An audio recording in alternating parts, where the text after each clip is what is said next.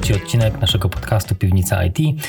Dzisiaj razem z Wojtkiem chcielibyśmy porozmawiać o CSS-ie.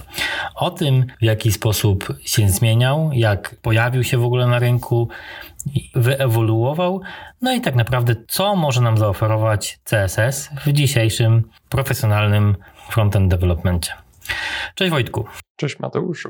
I co? Jak Ci się podoba temat CSS-a? Myślę, że jest bardzo fajny i tak jak dobrze zauważyłeś, dotyka on wszystkich. Myślę, że chciałbym zacząć od tego, że zabrać nas w podróż do przyszłości i porozmawiać trochę o Twoich i moich doświadczeniach. Chciałbym, żebyś mi opowiedział, jak wyglądały Twoje początki, z czego korzystałeś, czy to był zwykły CSS, czy może korzystałeś z Bootstrapa, jak pamiętasz wsparcie w różnych przeglądarkach? No, ja zaczynałem od czystego CSS-a i to był CSS w wersji drugiej, tak, CSS wersji 2.0 albo 2.1, nie pamiętam dokładnie, która to była wersja, ale to była, na pewno to nie były jeszcze, to nie były czasy CSS 3, nie były to czasy preprocesorów i były to czasy, kiedy ja się uczyłem pisania kodu, więc pisałem klasy po polsku. E, nie miałem z tym problemu, żeby używać identyfikatorów w kodzie CSS. No, bardziej złożonych operacji raczej tam nie robiłem, więc pamiętam to bardzo dobrze. Jakiś czas temu wrócił do mnie klient z 2009 roku, któremu robiłem jedną z pierwszych stron internetowych. I no, ta strona oczywiście nie istniała, ale przestała działać po prostu. E, no, tam były case'y takie, że nie opłacił swojego hostingu i tam różne tego typu rzeczy. Natomiast, natomiast udało mi się znaleźć ten kod. Bardzo mu zależało, żeby tą stronę przywrócić. Jak spojrzałem, to się załamałem. jak, jak to było napisane. Bardzo ciekawe doświadczenie, ale tak, rzeczywiście, zaczynałem od CSS-a od podstaw, czyli tak naprawdę od zwykłego CSS-a, bez zwracania uwagi całkowicie na to, czy CSS czy ta specyficzność CSS-a jest zachowana, czy kaskadowość jest zachowana. Po prostu pisałem ten kod. Zresztą to tak jak się pisze pierwsze projekty do szuflady, tak to mniej więcej w moim przypadku wyglądało. No i ten CSS gdzieś tam się przewijał w tych wszystkich pierwszych stronach internetowych. Warto tutaj w ogóle zwrócić uwagę, że z całej tej wielkiej trójki, czyli z HTML-a, JS-a i CSS-a, CSS był ostatnim, który powstał, najpóźniej powstał. I tak naprawdę od samego początku, tak jak wszystkie te technologie webowe, no miał problem. Miał problem tego rodzaju, że, że każda przeglądarka troszeczkę inaczej go rozumiała troszeczkę inaczej interpretowała pewne zapisy i na pewno pamiętasz wszelkiego rodzaju prefiksy, które się dodawało w zależności od przeglądarki, żeby dana funkcjonalność zadziałała albo nie zadziałała. Tak, zdecydowanie pamiętam. To było dość ciekawe. Później troszeczkę e, preprocesory e, i wszelkiego rodzaju właśnie minifikatory do CSS-a bardzo z tym pomagały czyli wszelkiego rodzaju task, task runnery mm, typu właśnie Gulp, które gdzieś tam nam za pomocą wbudowanych narzędzi, czy dokładanych przez nas narzędzi potrafiły nam to, to wsparcie odpowiednio wyskalować, uzyskać. A później, jak już był 2011, 2012 rok, pojawił się, pojawił się w moim życiu LES, jako pierwszy preprocesor. I to był taki projekt też dosyć fajny. To, to, to czego mi w CSS-ie brakowało, czyli wszelkiego rodzaju zmienne, tworzenie różnych funkcji, czy też tak zwanych mixinów, to wszystko gdzieś tam było. I ten projekt mega mi się podobał. Oczywiście napisałem go byle jak, nie znając wtedy zasad specyficzności CSS wprowadzałem selektory, które tą specyficzność łamały na każdy możliwy sposób. No i to były takie czasy 2011-2012, więc taka już można powiedzieć przeszłość dosyć, dosyć odległa. Ale do dzisiaj pamiętam, jak chciało się zapewnić wsparcie na przykład dla IE, dla CSS-a i się robiło specjalne ify w HTML-u po to, żeby inne pliki CSS się wczytywały na przeglądarkach IE. Mam taką nawet anegdotę. Tak, jak pracowałem w Magento, i to już było w zasadzie, Magento 1 to była i w tej Magento 1 było, było coś takiego, że był plik IE6 chyba, .css, tak, IE6.css, który był, był normalnie wczytywany tylko dla IE6. Jak się wchodziło w ten plik, to tam był jeden komentarz tylko i wyłącznie. Nie było żadnego kodu, tam był komentarz let them die. więc, e, więc tak, tak. Początki CSS-a to całkiem fajna historia. W moim przypadku całkowicie taki język, który pozwalał nam na fajne kolorowanie, fajne, fajną wizualizację tych danych, które chcemy przedstawić, ale na pewno też jesteś w stanie sobie przypomnieć CSS-a bez Flexboxa, czy sposób, w jaki musieliśmy tworzyć różne obejścia po to, żeby stworzyć jakąś stronę internetową, która będzie odpowiednio poukładana, niekoniecznie na tabelkach. Jak najbardziej. Ja też miałem swoje wspaniałe doświadczenia też na samym początku swojej pracy która chyba zaczęła się trochę później niż e, twoja Mateuszu, bo pamiętam, że zaczęła się gdzieś około właśnie początków CSS 3, chociaż miałem jeszcze okazję pracować z CSS-em e, powiedzmy.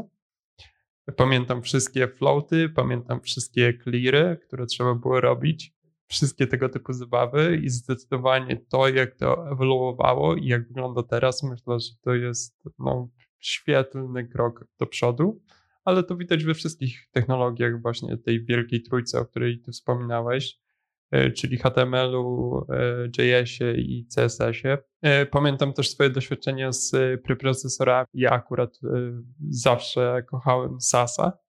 Właśnie nie w tym wydaniu SCSS-owym, tylko w tym wydaniu takim powiedzmy prawdziwym, bez klamr, bez średników. I też zawsze byłem zdziwiony, że jak zacząłem programować już aplikacje w Reactie, które e, też wykorzystywały oczywiście te style właśnie SCSS-owe, to byłem tak zdziwiony, że one wykorzystują właśnie tego SCSS, a nie tego SAS-a, bo ten SAS jest tysiąc razy lepszy i tysiąc razy fajniej się go pisze. Powiedz mi w takim razie, Wojtku, co ty robisz w świecie JavaScriptu? Czemu nie świat Pythona? E, miałem swoje przygody z Pythonem ale no jednak JavaScript to jest to. to jest, jednak te technologie frontendowe to myślę, że nie da się tego zastąpić. Co prawda Python jest bardzo fajny i myślę, że e, może podczas innego odcinka też możemy pogadać, e, Mateusz, oczywiście o jakichś innych technologiach, z którymi mieliśmy przygody, bo to też myślę, że jest temat do ciekawej dyskusji, jak właśnie takie doświadczenia w innych technologiach wpływają na to, jaki kod piszemy w takich naszych technologiach głównych. Mhm.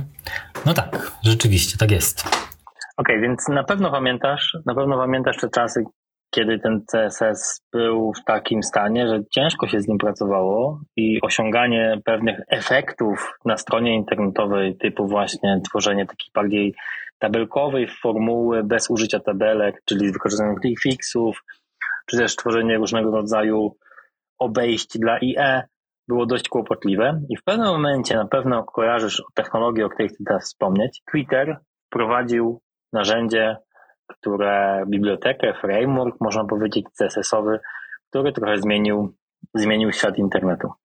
Wiesz o czym myślę? Tak. Domyślam się, że myślisz o Bootstrapie i jestem ciekawy, jakie jest twoje podejście do niego, jakie było wtedy i jakie jest teraz, bo ja mam dość mocne przekonanie a propos Bootstrapa, zarówno wtedy miałem, jak i teraz mam i chętnie usłyszę twoje zdanie na temat Bootstrapa tak ogólnie. No Bootstrap to był taki game changer. Jakbyśmy sobie spojrzeli na, na świat internetu w tamtym czasie, no to pisanie strony internetowej pod kątem CSS-a bez wykorzystania Bootstrapa, to taka była trochę droga przez mękę momentami. Dodawanie tych pustych divów albo na pseudoelementach, clearowanie sobie pewnych struktur, żeby po prostu te elementy się wszystkie układały. A Bootstrap dał nam tak naprawdę gotowe rozwiązanie, wszystkich problemów, które w zasadzie mieliśmy w CSS. Miał jedną wadę, która spowodowała, że cały internet zaczął wyglądać tak samo. Bo prawda jest taka, że internet zmienił swój wygląd. Lata 90., czy tam początek lat 2000, w świecie internetu, strony internetowe wyglądały w tamtym czasie w zasadzie tak samo. Wszystkie, wygląda, wszystkie próbowały zmierzać do maksymalnego odwzorowania świata rzeczywistego. Na pewno pamiętasz te strony internetowe gier czy portale, gdzie były jakieś cienie, jakieś takie, jakieś takie właśnie belki porobione, że to niby jakaś taka, wiesz, witryna. No to tak, tak, tak to mniej więcej wyglądało. A Bootstrap, Twitter z Bootstrapem bardzo to uprościli. Prowadzili takie pierwsze, wydaje mi się, jedne z pierwszych takich optymalizacji tego wyglądu, tak żeby on był maksymalnie spłaszczony, czytelny, prosty No i Bootstrap, Bootstrap rzeczywiście to wprowadził.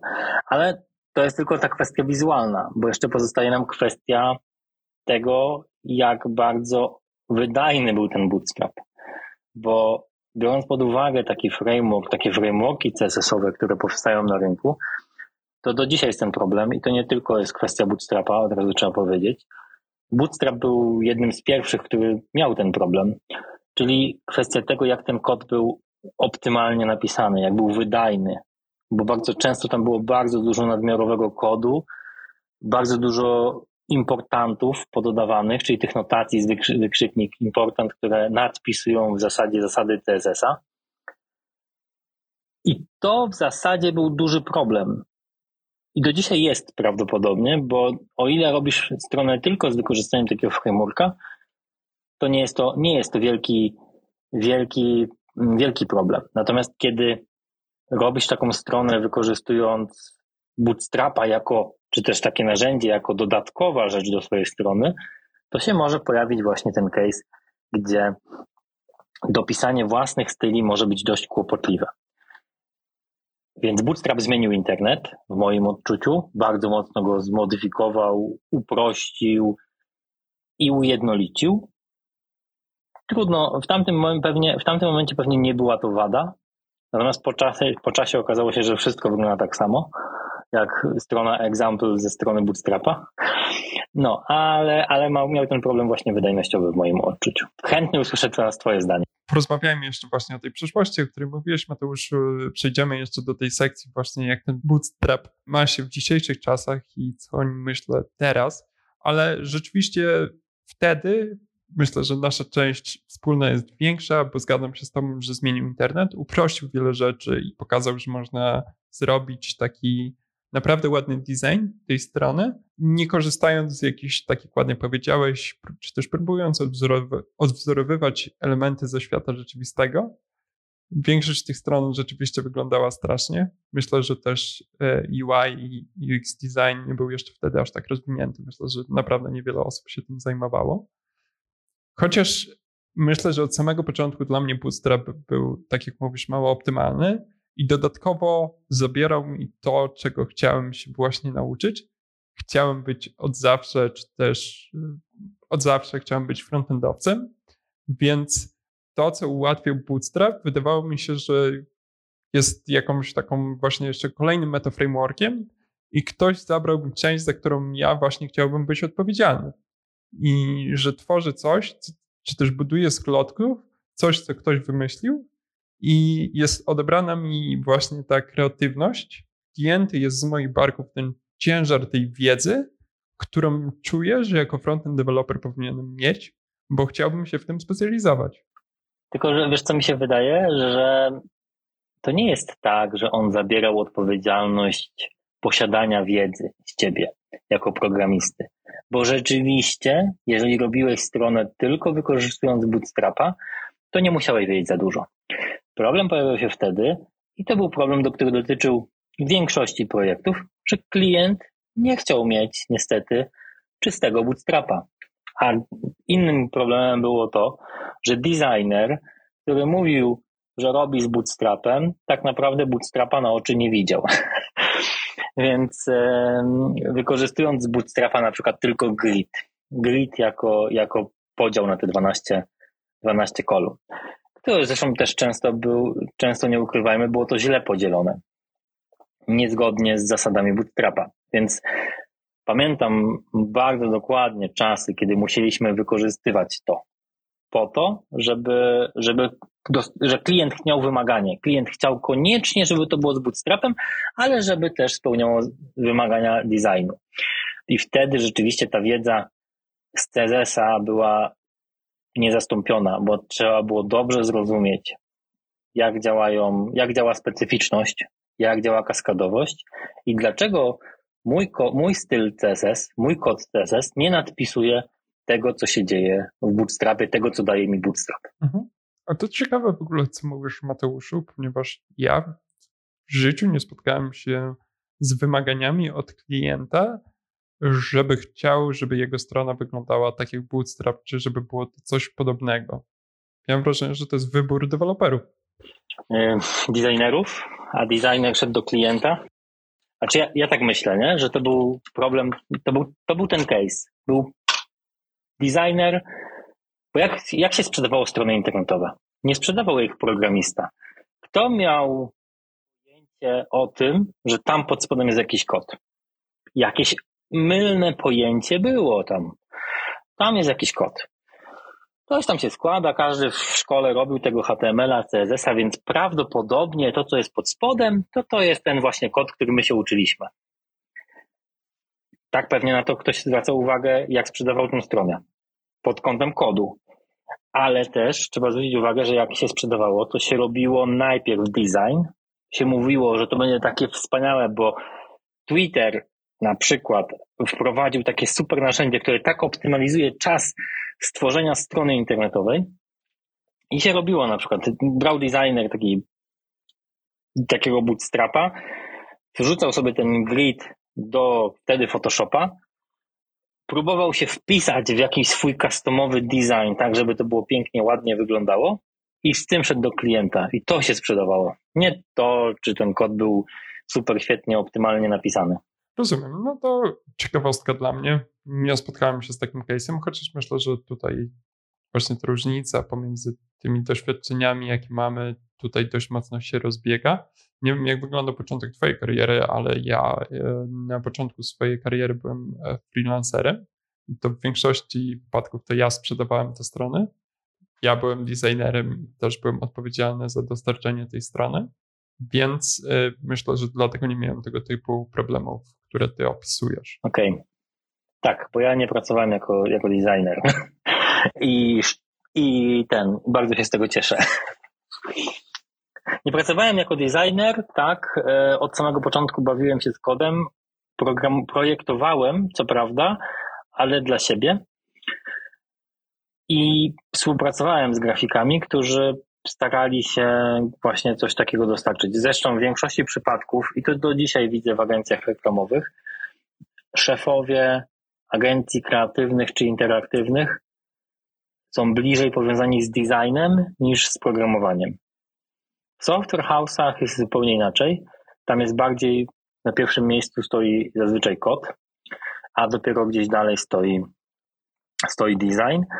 Co widać chociażby w projektach, w których w tym, w, tym, w których w tym momencie jesteśmy. Ten design prawdopodobnie jest gdzieś tam, ale nie jest, nie jest pierwszy, nie gra pierwszych skrzypiec. A w czasach, o których mówimy, czyli w czasach, kiedy ten CSS właśnie był taki, o, taki sobie jeszcze niedojrzały, pojawił się Bootstrap, to on był takim, wiesz, takim świeżym podejściem. Nagle się okazało, że stronę internetową możesz postawić taką zwykłą HTML-owo-CSS-ową w kilka godzin. I ona będzie działać, wyglądać i to będzie, ojej, to jest optymalizacja rzędu kilku, kilkudziesięciu godzin zaoszczędzonych. Zgadzam się. Myślę, że to też w ogóle ciekawy temat do dyskusji. E, jak takie narzędzia zmieniają podejście właśnie biznesu i co zyskujemy. I myślę, że większość osób właśnie od takiej strony biznesu, nie chcę tutaj oczywiście też za bardzo generalizować, ale takie mam wrażenie, że takie podejścia typu bootstrap są bardzo kuszące z pozoru i z perspektywy jakby właśnie tego, że możemy zbudować sobie praktycznie od razu tą stronę. Tylko tak jak wspominałeś też Mateuszu, problem zaczyna się wtedy, kiedy zaczynamy coś zmieniać i chcemy, żeby ono wyglądało w jakiś tam sposób. I myślę, że bardzo szybko wtedy ten koszt, czy też ten zysk, który e, mieliśmy na początku, bardzo szybko znika. No tak, ale to, to, jest, to jest Wojtek ten sam case, który mamy w tym momencie na rynku z low code, no code. Klient bardzo szybko zyskuje produkt, ale kustomizacja tego produktu jest trudna. Mhm. Bo jeżeli jesteśmy w stanie dostarczyć szybko MVP, to to jest duża wartość dla klienta. Dlatego te agencje, te software house'y, które zajmują się low code, no code, one rzeczywiście są w stanie dostarczyć te produkty fajnie, szybko, tanio. I klient jest zadowolony. Do momentu, w którym ten klient chce mieć custom jakiś.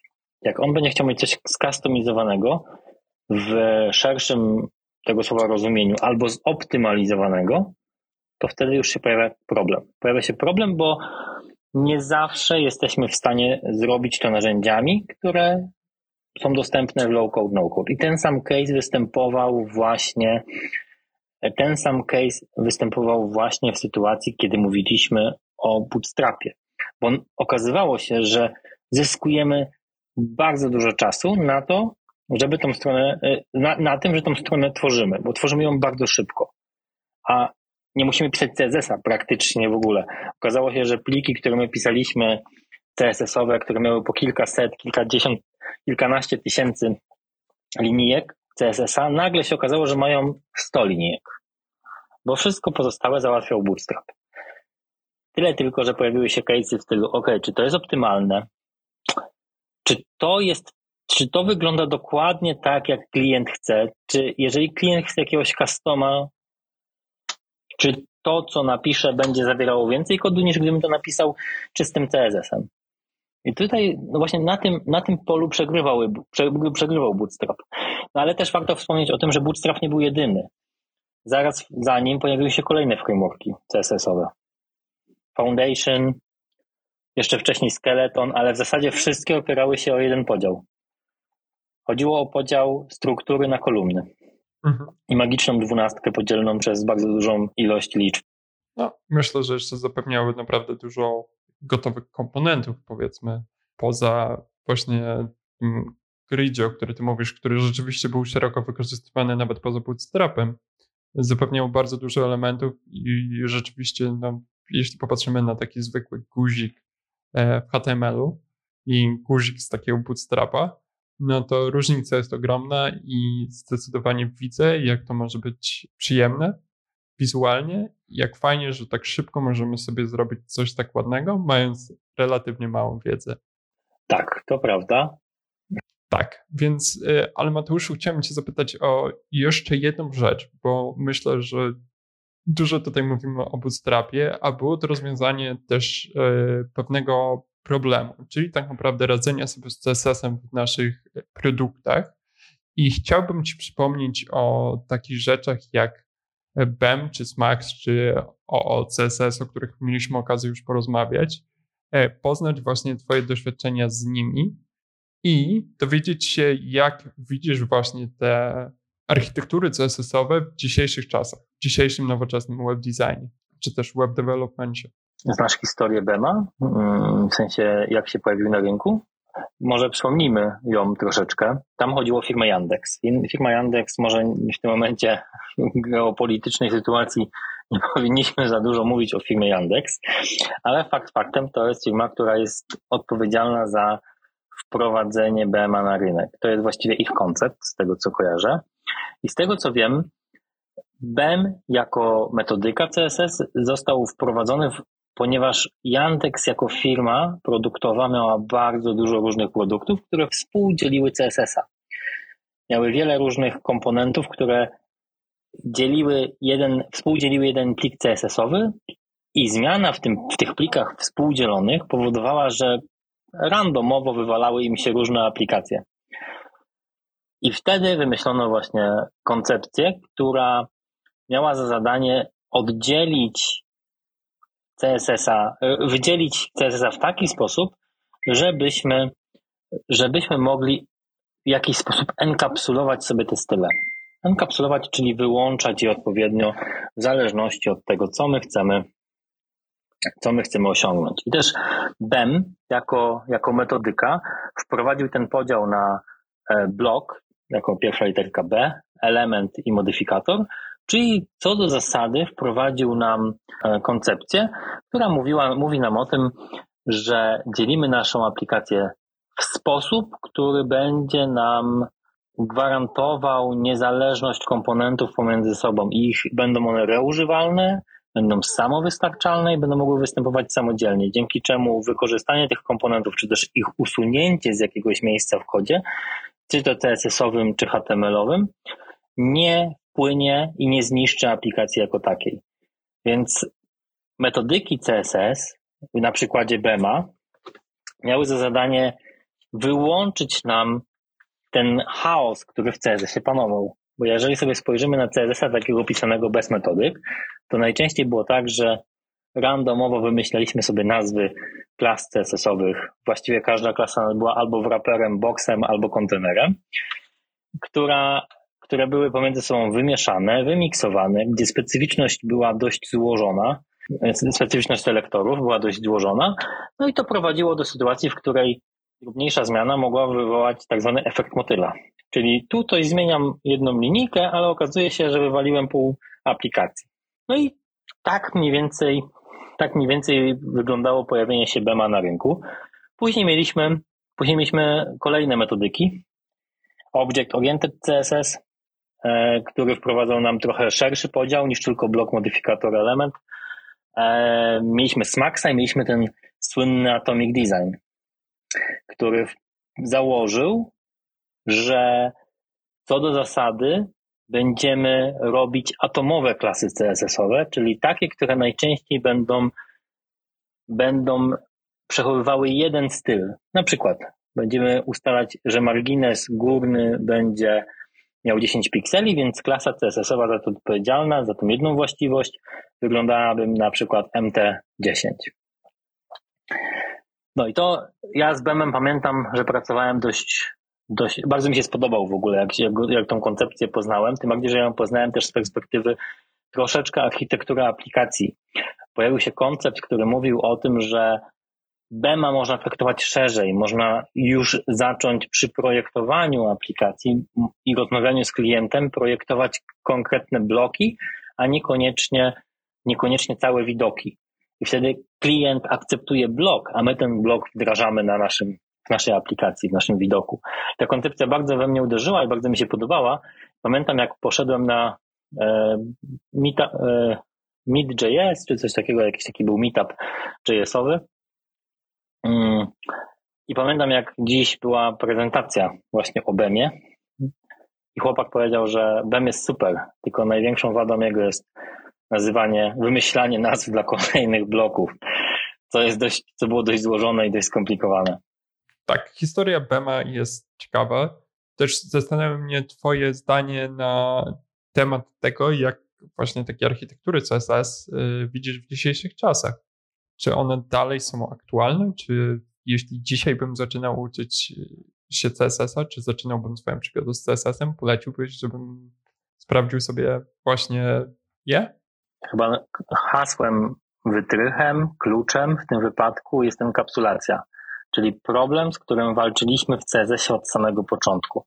Jak sprawić, że style z danego komponentu będą dotyczyły tylko tego komponentu, a nie będą dotyczyły całej aplikacji. Jeśli mówimy o enkapsulacji, to warto wspomnieć o tym, że są o wiele lepsze sposoby w dzisiejszych czasach niż BEM, czy, czy czy Smax, czy Object Oriented CSS. W przypadku aplikacji frontendowych, Angulara czy Reacta, możemy sobie tą enkapsulację już ustawić z poziomu z poziomu naszej aplikacji, z poziomu naszego, naszej architektury komponentowej. W przypadku Angulara jest to dość proste, bo w zasadzie z tego co pamiętam, to tam jest po prostu dekorator, gdzie ustalamy sobie enkapsulację dla naszych styli i style są bezpośrednio przypisane pod nasz komponent. Nie stanowi to większego problemu. W przypadku Reacta mamy kilka podejść, tutaj innymi CSS Modules, ale też traktowanie styli jako styled komponentów, o których pewnie sobie za chwilę też za jakiś czas powiemy jako współczesne podejście, mm, co też jest wartościowe, czy też traktowanie styli na przykład z wykorzystaniem web komponentów, co nie jest tak popularnym podejściem, ale też się może znaleźć, może się zdarzyć i też można pewnie wykorzystywać to w ten sposób. BEM w tych starszych czasach, kiedy nie było jeszcze tych podejść, podejść typu właśnie CSS Modules czy Styled Components, był na pewno wartościowy i na pewno dawał nam dużo wartości, która pozwalała nam odpowiednio zbudować, stworzyć taką aplikację, która będzie, jakby to ładnie powiedzieć, stabilna, która nie będzie randomowo się wywalała w różnych miejscach, nieoczekiwanych miejscach, że zmienimy sobie nagle styl jakiegoś przycisku i okazuje się, że, że nasz mechanizm do logowania się wysypał, bo zmieniliśmy jakiś styl. To, co miał zapewnić BEM w tamtym czasie, czy też inne metodyki, dzisiaj jest rozwiązywane troszeczkę inaczej. Wspomniałem o stałych komponentach, wspomniałem o technologii która nazywa się CSS in JS. To jest dość stara technologia. Jej początki sięgają 97 roku. Jak e, na pewno pracowałeś z CSS in JS chociażby przy stałych komponentach, co myślisz w ogóle o tym podejściu? Jeszcze niedawno wydawało mi się, że jest to jedyne słuszne rozwiązanie problemu właśnie stylowania w nowoczesnych e, aplikacjach. Myślę, że też super rozwiązaniem, które dawało Styled Component, czy też ciągle daje Styled Components i Emotion, między innymi właśnie w Reactie było to, że tą enkapsulację styli, o których mówisz, e, dostawałeś za darmo, niejako z samym frameworkiem. I ten setup Styled Components był relatywnie prosty w porównaniu do tego, co się spotkałem e, z, z CSS Modules, więc to był duży plus, ale ogólnie był to dla mnie super świeży powiew i od momentu, kiedy to zobaczyłem, byłem jakby zachwycony. Zastanawiałem się, jak to jest możliwe, że nie robiliśmy tego wcześniej. Przecież jest to oczywiste i kod, który to produkuje, jest po prostu e, świetny. Tak? Mamy tak dużą kontrolę za pomocą kodu na tym, co się dzieje w naszych stylach, że ten kod zmienia się w bardzo zbity i łatwy do zrozumienia. Też ta logika, za co kocham Reacta, czyli złożenie tych wszystkich rzeczy, czyli widoku i logiki do jednego miejsca, co moim zdaniem nie powinno być rozdzielone, w związku z tym, że koniec końców, tak jak wiesz, Mateuszu, e, chociażby przy Angularze, jakby kończymy z tą logiką w widokach. To samo tyczy się też styli, prawda? Są takie sytuacje, kiedy, i jest ogromnie dużo takich sytuacji na frontendzie, kiedy musimy zmieniać style naszego komponentu w zależności od tego, jak wygląda interakcja chociażby użytkownika z naszą aplikacją, czy w zależności od tego, co się dzieje na backendzie. Musimy zmienić kolor, border, shadow, cokolwiek. I jest to idealne rozwiązanie, jak możemy to zrobić w łatwy sposób. Co prawda myślę, że teraz już te rozwiązania są trochę inne i może nawet trochę lepsze, ale w czasach, kiedy pojawiły się te style components, byłem po prostu zachwycony. Jaka była twoja reakcja na Styled Component? Czy była równie wspaniała jak moje? Moje pierwsze doświadczenie ze Styled Components dotyczyło aplikacji mobilnej pisanej w React Native dla projektu, który, którego designer zmieniał projekty co dwie minuty. Co de facto sprowadzało się do tego, że tworzyliśmy komponenty, które, które wyglądały tak samo, ale miały za to 15 tysięcy wersji ja nic nienawidziłem Stealth Component od samego początku za to, że wprowadzały, że jeżeli design nie był przygotowany od samego początku dobrze, albo nie dawało się wolnej ręki programistom, tylko wymagało się jakiejś pixel perfect, to Styled Components było takim wrzodem na czterech literach. De facto powodował tworzenie mnóstwa nadmiarowych komponentów, które wcale nie były reużywalne. Później się trochę przyzwyczaiłem do tego sposobu pracy i sam znalazłem dosyć fajne drogi, jak pracuje się ze Styled Component, jak można to robić wydajniej i lepiej. I rzeczywiście nadal stoję na stanowisku, że albo dajemy wolną rękę programistom, albo mamy bardzo dobrze przygotowany design. Jeśli chcemy używać tego typu komponentów, tego typu podejścia komponentowego przy stylach. Natomiast Wydaje mi się, że Styled Components ma jedną wadę, której nie pobije, której, której nie zwycięży w żaden sposób, czyli wydajność. Zdecydowanie we wszelkich metrykach, jakbyśmy spojrzeli na wydajność styli tworzonych za pomocą komponentów, to z tego co kojarzę, to CSS Modules czy zwykły CSS bije na głowę po prostu rozwiązania typu, typu właśnie CSS in JS. Mhm. Muszę się z Tobą zgodzić odnośnie tego, co powiedziałeś, w szczególności rzeczy związanych z architekturą. Pozgadzam się z tym w 100%, że w momencie, kiedy mamy style components i e, często zmienia nam się projekt i wizja naszego UX UI designera, może to być bardzo problematyczne. Zgadzam się też z Tobą, że style components prowadzą do tworzenia dużej ilości kodu, dużej ilości komponentów i rzeczywiście staje się to nagle problem też architekturalnej aplikacji, prawda?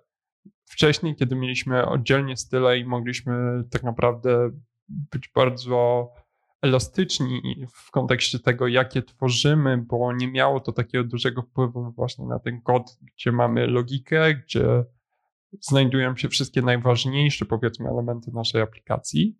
Mieliśmy CSS-a, który, czy SCSS-a, który jest gdzieś tam z boku i mogliśmy go sobie w miarę dynamicznie modyfikować, nie aż tak się przejmować, co się dzieje w projekcie, to w momencie, kiedy dodajemy do projektu Style Components, nagle te style tyczą się też architektury i są bardzo mocno związane z tym, jak wygląda nasz kod.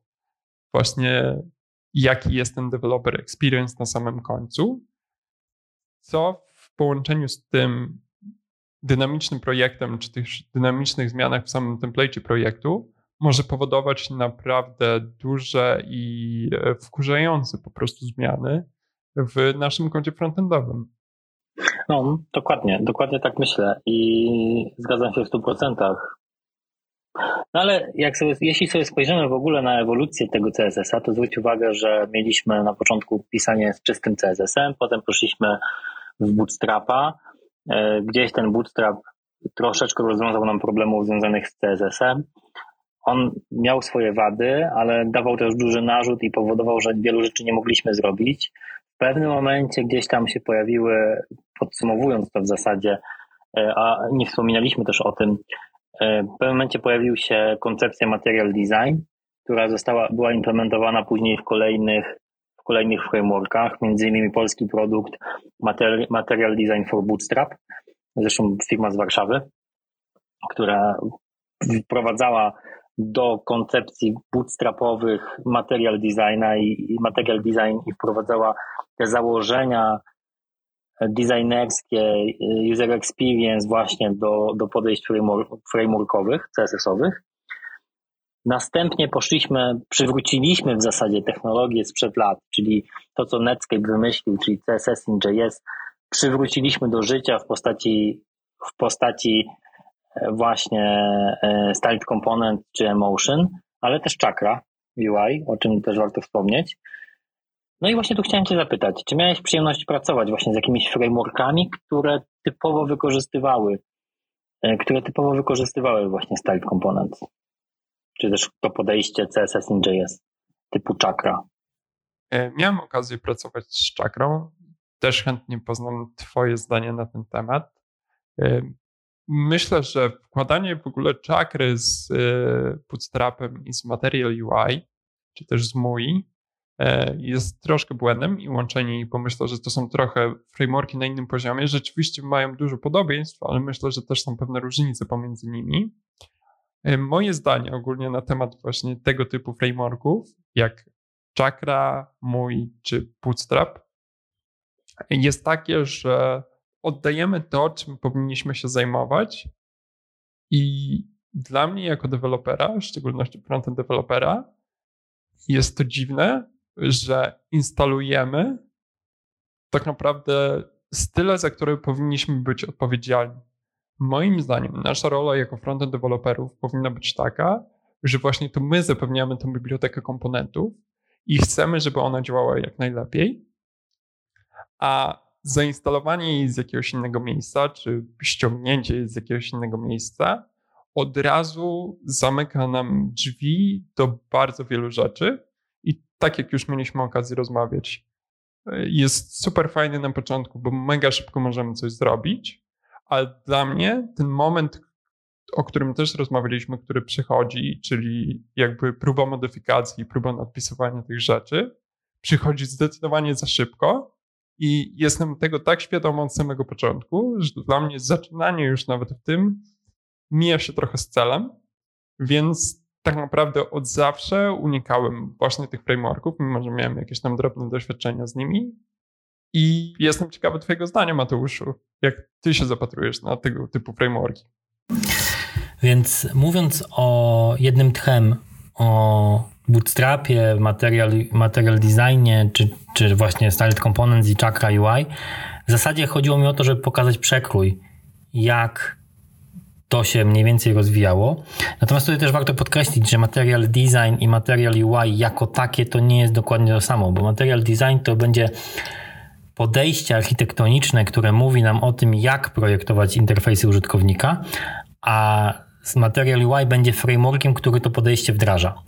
I tutaj mam podobne zdanie co ty, czyli zgadzam się, że takie rozwiązania częściej przyspieszają pracę, jeśli chodzi o dostarczenie jakiegoś widoku i bardzo często zdejmują bardzo dużo pracy i odpowiedzialności z frontend dewelopera na temat tego, jak to powinno wyglądać i działać.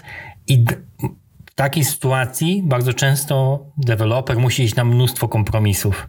Musi zdecydować o tym, które rzeczy zrobi sam, a które będzie wykorzystywał z tego danego frameworka z prostej przyczyny. W takiej sytuacji, e, w takiej sytuacji najczęściej nadpisanie czegoś będzie po prostu kłopotliwe i trudne. Mam dużo doświadczenia z Material UI-em. Wydaje mi się, że ostatnimi czasy jest to chyba jeden z najczęściej wybieranych frameworków CSS-owych, czy to pod Reacta, czy pod Angulara. I bardzo często jest tak, że wszystko jest ok, dopóki nie musisz zrobić jakiegoś customu. Jak musisz coś nadpisać, to się będziesz z tym dłubał, bo tam są jakieś dodatkowe wewnętrzne klasy tworzone w tych komponentach, które to mocno, mocno nam um, utrudniają, które powodują, że specyficzność selektorów staje się dość złożona i pomimo tej enkapsulacji, która tam gdzieś jest w tych komponentach, to nadpisanie takiego komponentu jest dość trudne. Więc wydaje mi się, że jesteśmy na tym, na tym samym stanowisku. Są to rozwiązania ok, ale zawsze trzeba mieć świadomość tego, z czego rezygnujemy i w którą stronę pójdziemy. Ok. Natomiast też pojawiła się jeszcze jedna technologia. Chyba już ostatnia taka, o której chcieliśmy, chcielibyśmy powiedzieć na pewno, która wprowadziła nam, powróciła nam troszeczkę do jednej z metodyk metodyk, e, o których wspominaliśmy. Ja wspominałem o tym takim jak Atomic Design. I ten Atomic Design został wprowadzony ostatnio jakby przywrócony troszeczkę do biblioteki, tak, która nazywa się Tailwind CSS. Tailwind już trochę z nami jest, ale różni się w zasadzie dość mocno od tych podejść typu chakra. E, w zasadzie chakra czy Starlit Component zakładają, czy Material UI zakładają nam tworzenie komponentów ze stylami, z tym, że w Chakra i MUI będą raczej frameworkami, a Starlit Components będzie biblioteką, która dostarcza możliwość tworzenia tych komponentów. Natomiast przy Tailwindzie mamy troszeczkę inną sytuację. Sytuacja wygląda w ten sposób, że tworzymy sobie komponenty w oparciu o klasy atomowe, e, gdzie w zasadzie pełnymi garściami czerpiemy z tej koncepcji, metodyki e, CSS-owej właśnie Atomic Design. Ja nie miałem przyjemności pracować e, z Tailwindem. Widziałem troszeczkę, jak ten kod wygląda. Mi osobiście się nie podoba. Bardzo nie lubię w ogóle Atomic Design. Wydaje mi się, że masz inne zdanie na ten temat. Chciałbym, żebyś troszeczkę powiedział, dlaczego, się, dlaczego uważasz, że to jest spoko? Mhm. E, bardzo chętnie Mateusz Ci przekonam ze swojej strony, dlaczego myślę, że ten Tailwind CSS jest rozwiązaniem dużej ilości problemów, o których dzisiaj wspominaliśmy. I myślę, że jest to jedna z takich technologii, co też jest dość śmieszne i może któryś z naszych słuchaczy ma podobnie, które na początku wyglądają trochę strasznie, a jeśli zacznie się z nimi pracować, naprawdę zmienia się totalnie podejście do tego, jak się na to patrzy. Dla mnie Tailwind CSS rozwiązuje pierwszy problem, o którym wspominaliśmy i o którym ty wspominałeś, Mateuszu, czyli nazewnictwo. Nazywanie rzeczy, jak wiemy, jako programiści, jest naprawdę ciężkie, w szczególności kiedy mamy do czynienia z jakimiś abstrakcyjnymi tworami, musimy opisywać jakieś abstrakcyjne fragmenty kodu, czy też abstrakcyjne zadania, które ten kod, za które ten kod jest odpowiedzialny. Tailwind nam ten problem rozwiązuje, ponieważ nie tworzymy żadnych klas, tylko właśnie ten nasz atomowy CSS wklejamy od razu do komponentu, tworzymy go razem z komponentem. Kolejną rzeczą, którą myślę, że Tailwind świetnie rozwiązuje, i jeszcze może troszkę wracając do poprzedniego punktu, że takie nazywanie tych rzeczy nie dość, że jest trudne, to w momencie, kiedy uda nam się je dobrze nazwać, może się okazać, że za tydzień, dwa tygodnie czy za miesiąc już nie będzie to taka świetna nazwa, bo często mówimy w przypadku programowania i programowania aplikacji internetowych o rzeczach abstrakcyjnych. Dodatkowo mamy też problem komunikacji między różnymi osobami i dla mnie box, mimo tego, że jest to niby rzecz prosta, może oznaczać zupełnie co innego niż oznacza dla ciebie. Drugim punktem, e, o którym chciałem wspomnieć, jest enkapsulacja i to też, o czym rozmawialiśmy przy okazji metodologii i BEMA, e, SMAXa i OOCSS-a, czyli pozbywamy się tego, czego nie lubimy w CSS-ie, czyli właśnie tej specyficzności selektorów i wymieniamy ją na bardzo, tak naprawdę pozbywamy się jej zupełnie, tak? Bo teraz mamy bardzo atomowe klasy, które piszemy dla konkretnego komponentu i zmiany w tym komponencie jesteśmy pewni, że będą dotyczyły tylko tego jednego komponentu. Nie musimy się martwić, że zmiany, które prowadzimy do tego jednego komponentu, będą miały jakieś reperkusje w innych miejscach naszej aplikacji. Też myślę, że dużym plusem Tailwinda w porównaniu do tych frameworków, o których przed chwilą rozmawialiśmy, czyli Chakry, Bootstrapa i mój powiedzmy, jest to, że on nie ma ograniczeń w związku z tym, że to jest tak naprawdę rozszerzenie CSS-a niejako, czy też inny sposób napisania CSS-a, więc ogranicza nas tylko nasza własna wyobraźnia i nasz projekt. Dodatkowo myślę, że też wsparcie w wielu narzędziach już teraz jest naprawdę świetne, więc jakby pisanie tego jest mega szybkie i myślę, że to jest takie całkiem niezłe podsumowanie, dlaczego uważam, że ten Tailwind jest taki super. Mnie tylko w tym wszystkim martwi ilość klas, która występuje w tych komponentach i w zasadzie ten problem z nazewnictwem dotyczy nie tylko klas CSS-owych, ale ogólnie wszystkich rzeczy, również komponentów, ponieważ jakbyśmy jakikolwiek komponent byśmy nie tworzyli, zawsze musimy stworzyć dla niego nazwę i często ta nazwa jest nieadekwatna do tego, co my chcemy stworzyć. Już widziałem takie wariacje na temat naz nazw komponentów, które miały coś robić i z nazwy w zasadzie wynikało, że coś robią, a okazywało się, że ten komponent w zasadzie robi coś zupełnie innego, że się nie dziwię, że jest to duży problem. Śmiem nawet twierdzić, że jest jakaś cząstka prawdy w tym, że najtrudniejszą rzeczą w programowaniu jest nazywanie rzeczy, nadawanie im nazw, klasom, funkcjom e, czy czemukolwiek innemu, obiektom zmiennym. I tutaj w zasadzie może rzeczywiście jest to wartość dodana w tych klasach atomowych, że nie musimy się martwić o nazewnictwo konkretnych klas CSS-owych, ale z drugiej strony nadal ten problem nie zostanie rozwiązany w 100%, bo te nazwy zawsze gdzieś tam się pojawią. Problem mm, przy style komponencie, który był związany z nazewnictwem, był taki, jak rozróżnić co jest komponentem typu styled komponent, a co jest komponentem ty czysto reactowym. I się spotykałem z bardzo różnymi podejściami, gdzie dodawało się na końcu styled albo na początku jako prefiks lub sufiks do nazwy, e, gdzieś tam dodawało się jakąś pojedynczą literę, albo na przykład się nazywało odpowiednio, e, odpowiednio w, oczywiście używając nazwy e, typu komponent typu UI na przykład, gdzie gdzie to też nie było najlepsze rozwiązanie. Z jednej strony bardzo ładnie pokazywało, co jest czym, ale z drugiej strony też wprowadzało dosyć duży chaos i te nazwy były coraz dłuższe. Jak coś się nazywało container of something, to jeszcze musieli dodać 5 razy styled, żeby jeszcze się w razie czego jeszcze nie powieliło z innymi komponentami, no to to rzeczywiście było, było to problematyczne. Więc się zgodzę z tym, że te, częściowo ten problem jest rozwiązany. Ale z drugiej strony wydaje mi się, że, że zataczamy koło, czyli wracamy do początków, bo CSS się dość mocno rozwinął. Patrząc z perspektywy tych no już ponad 20 lat istnienia CSS-a, jeżeli sobie przeanalizujemy, jak ten CSS wyglądał na początku, jak wygląda w tym momencie, mm, jaka czeka go przyszłość, to można powiedzieć, że jest to do, rozwiązanie też już dość dojrzałe, dynamicznie rozwijające się nadal, ale dość dojrzałe. I to, co my mogliśmy robić kiedyś, było obarczone jakimś sporym ryzykiem, bo musieliśmy dodawać dużo różnych narzędzi, żeby utrzymać, utrzymać jakiś poziom tego CSS-a.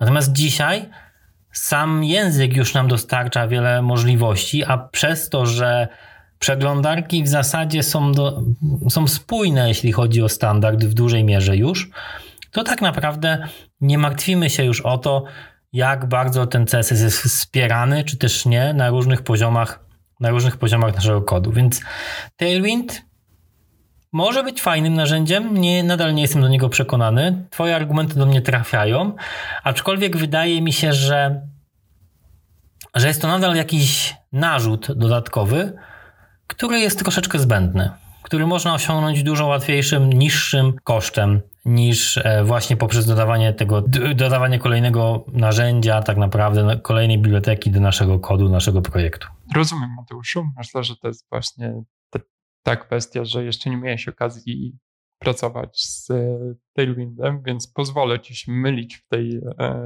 kwestii. E, oczywiście żartuję, ale naprawdę polecam ci Mateuszu, jeśli nie miałeś okazji, spróbuj, myślę, że nie będziesz żałować. Próbowałem z nim pracować i nawet, nawet jeden projekt z nim zrobiłem. To za mało. Proof of concept nie wyszedł. Rozumiem. W każdym razie uważam, że to samo, co napisałem wykorzystując Tailwinda, mogłem napisać niższym kosztem, tworząc na przykład, e, wykorzystując na przykład CSS Modules i Sasa. Myślę, że tym podejściu, o którym mówisz, bo właśnie chciałem zapytać cię, jakie widzisz alternatywy do mojego teoretycznie rozwiązania na wszystko, jeśli chodzi o stylowanie, czyli Tailwinda. I rozumiem, że w twoim wypadku to są CSS modules. CSS, CSS modules, tak, z SAS-em, czy też w wersji SCSS, dla mnie spisują się bardzo dobrze już od, no już od kilku projektów. Trochę się zamknąłem, przez to, że mi się z tym w tym wygodnie pisze, to może się trochę zamknąłem w tym i to jest trochę błędne i nie powinienem tego robić. Powinienem się też rozwijać na inne, otwierać się na inne e, rozwiązania, ale wydaje mi się, że największą wydajność i optymalność jestem w stanie sobie zapewnić, wykorzystując właśnie ten stack. No bo, y, bo jeśli byśmy spojrzeli chociażby na samego SCSS, a SCSS daje nam sporo różnych możliwości, e, chociażby placeholder classes, e, traktowanie, traktowanie styli jako modułów, e, wprowadzanie różnego rodzaju zmiennych funkcji do, do CSS-a, co nam daje naprawdę, rozszerza nam bardzo mocno możliwości samego CSS-a, ale nadal jest to kompilowane do zwykłego CSS-a. Więc to, co mamy w procesie deweloperskim, zostaje w procesie deweloperskim, a wynikowo, jeżeli dobrze napiszemy tego SASa, powstanie nam całkiem fajny, wydajny kawałek kodu CSS-owego, który jest w zasadzie najprostszym językiem rozumianym przez przeglądarkę bez żadnych dodatkowych narzutów. Dodatkowo, nie, nie wprowadzając dodatkowych frameworków typu, typu Tailwind, nie musimy się martwić o zwiększanie jakiejś wagi naszego bundla poprzez dodawanie kolejnych paczek. Tak naprawdę mamy mniejszą po prostu aplikację, co ostatecznie przełoży się w zasadzie na plus naszej aplikacji. Ale myślę, że jeśli chodzi o Tailwind, właśnie ten argument odnośnie wielkości paczki y, jest trochę nieadekwatny, ponieważ y, Tailwind nie waży nic na dobrą sprawę, bo Tailwind przy kompilacji, czy też przy transpilacji dokonuje czegoś takiego, co się nazywa po angielsku purge i czyści CSS z wszystkich nieużytych klas i tworzy koniec końców taką paczkę, która zawiera tylko te style, czy też te klasy, które rzeczywiście wykorzystujesz. To jest wartościowe. To o tym nie wiedziałem. Dodatkowo jeszcze a propos CSS Modules, myślę, że jestem ciekawy, jak rozwiązujesz problem, o którym trochę rozmawialiśmy przy okazji Styled Components, e, który właśnie myślę, że też jest całkiem dobrze rozwiązany przez Tailwinda, chociaż nie może aż tak idealnie, jak było to w Styled Components, e, ale który myślę, że jest jeszcze bardziej adekwatny i widzialny e, w momencie, kiedy wykorzystuje się CSS Modules, czyli właśnie różnice w tym CSS-ie, czy też modyfikowanie tego, jak wygląda nasz komponent, w zależności od tego, co się dzieje w, przez jego całe życie i w interakcji, jak on wchodzi z użytkownikiem, czy też z innymi częściami naszego systemu. To to jest rzeczywiście to jest rzeczywiście problematyczne, ponieważ rzeczywiście w style komponentach mieliśmy możliwość dodawania, e, dodawania propsów do komponentów i na tej podstawie, na tej podstawie prowadzenia odpowiednich zmian w stylach. Z racji tego, że style były traktowane de facto jako komponent aplikacji, w CSS Modules rozwiązuje to na takiej zasadzie, jak klasycznej w zasadzie, czyli można powiedzieć, że troszeczkę czerpiąc z Object Oriented CSS-a, czy też z e, modyfikatorów z BEMA, dodając klasę, która będzie klasą stanu, która wprowadzaną do kodu wtedy, kiedy się coś zmieni. Czyli tak naprawdę mamy jakiegoś, jakiś warunek na widoku, który odpowiednio będzie ten, tą klasę przełączał w zależności od stanu, w którym jesteśmy. Tailwind jak to rozwiązuje? E, Tailwind sam w sobie nie rozwiązuje tego problemu, ale są takie frameworki, które bardzo dobrze z nim współgrają, żeby rozwiązać niejako ten problem. Między innymi biblioteka, która nazywa się Class Variance Authority, która pozwala definiować klasy dla różnych wariantów naszego CSS-a. I wynikowo możemy sobie za pomocą jakiejś tam property, czy też za pomocą jakiegoś tam property dostać listę klas, które potrzebujemy. No, muszę się przekonać. Okazuje się, że mamy trzeci, trzeci odcinek, trzeci epizod naszego podcastu, a ty wprowadzasz mi trzecią zajawkę i próbujesz mnie przekonać do trzeciej rzeczy. E, zaraz stanie się to dla nas jakąś tradycją. Okej, okay, Wojtek. Więc jak już sobie przegadaliśmy całego CSS-a, spojrzeliśmy sobie na niego od samego początku, to chyba zostaje nam, zostaje nam jeszcze kwestia tego, co nas czeka w przyszłości. Wiele się mówi o tym, że, że CSS3 tak naprawdę to już jest koniec, że nie powstanie nigdy CSS4 i że CSS4 tak naprawdę to jest gdzieś tam, e, można powiedzieć, przyszłość naszej e, przyszłość naszego, na, naszego CSS-a, która wprowadzi nam tak naprawdę dużo, dużo zmian.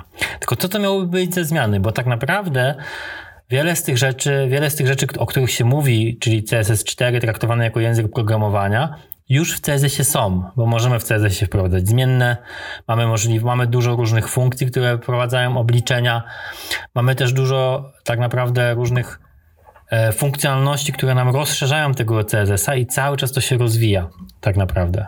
Wprowadzane są funkcje, wprowadzane są różnego rodzaju możliwości obliczeń, wprowadzane są zmienne. Co innego może się wydarzyć według Ciebie w CSS w następnych latach, które może wprowadzić ten CSS na wyższy poziom. Masz jakiś pomysł? Czy myślisz, że może, że to, co mamy, to tak naprawdę to już, to już jest ten max, który możemy z tego CSS-a wyciągnąć i raczej dalej w tym nie pójdziemy? Mhm. Jest to ciekawe pytanie, Mateuszu.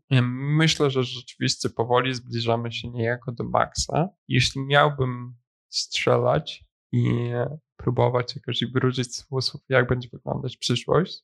Może bym próbował z czymś takim jak powiedzmy 3D i jakaś większa integracja w CSS-a rzeczy związanych z e, augmented reality czy też e, VR-em. Ale tak poza tym nie przychodzi mi nic do głowy, bo mam wrażenie, że aktualny stan CSS-a to jest właśnie tylko rozszerzanie tego, co już tam aktualnie istnieje i dodawanie rzeczy, które w jakichś tam drobnych przypadkach pomagają i ułatwiają nam pracę. Tak jak powiedziałeś, funkcji dodatkowych, yy, które ułatwią nam rzeczy, które musieliśmy wcześniej robić jakoś tam dookoła, czy też nawet samych property, które możemy poustawiać na, na obiektach, tak żeby e, je zmienić, chociaż zdecydowanie może będę zaskoczony.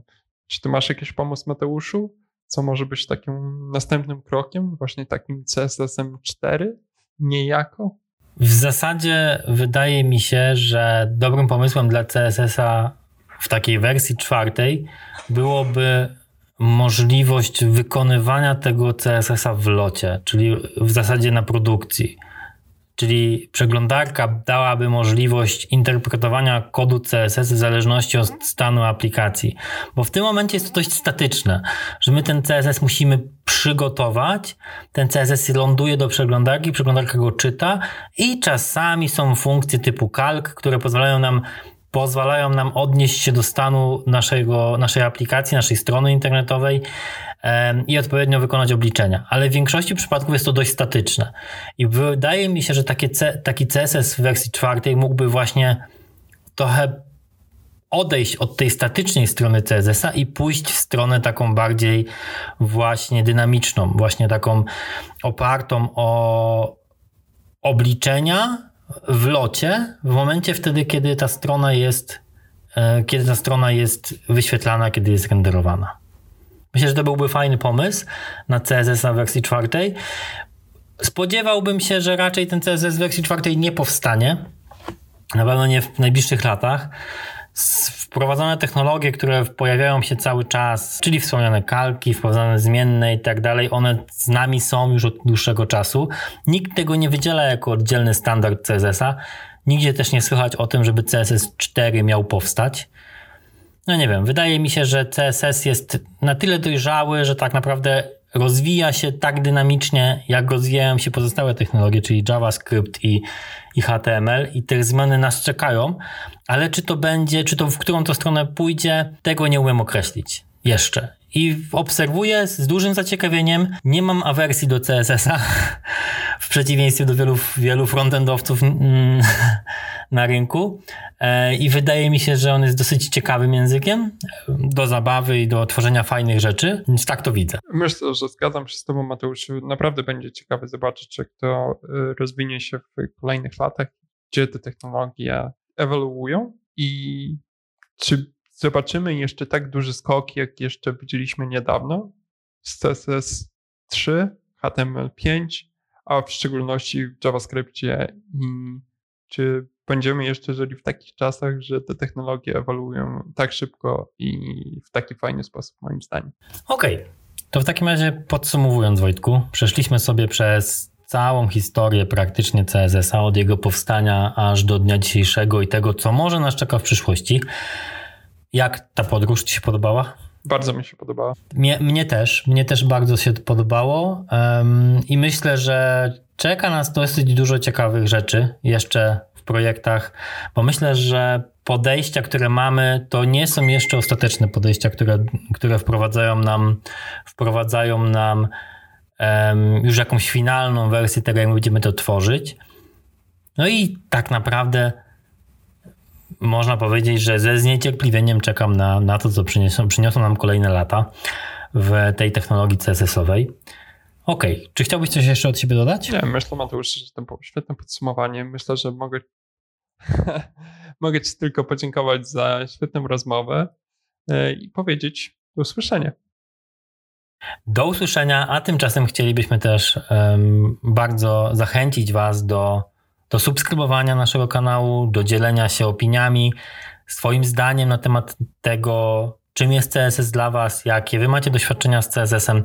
Chętnie posłuchamy, poczytamy i nawiążemy może do tego w którymś z naszych kolejnych odcinków. Tymczasem ślicznie dziękujemy, życzymy e, miłego dnia, wieczoru czy odpowiedniej pory, w której aktualnie jesteście i do usłyszenia.